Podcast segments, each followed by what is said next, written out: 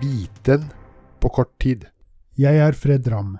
Det har lenge vært antatt at alle kognitive prosesser, inklusiv prosesser knyttet til kunstneriske ferdigheter, handler om samarbeid mellom forskjellige hjernenettverk, slik som oppmerksomhet, planlegging, eksekutive funksjoner, kognitiv fleksibilitet, opphenting av hukommelse, implisitt kunnskap etc.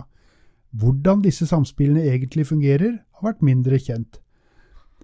Forskere har nå forsøkt å sette sammen 20 års forskning på dette for å se om de kan finne et mønster, og mønsteret de mener å ha funnet, foreløpig helt teoretisk, er at det er konkurranse mellom nettverkene som ligger bak når det kommer til kunstnerisk aktivitet.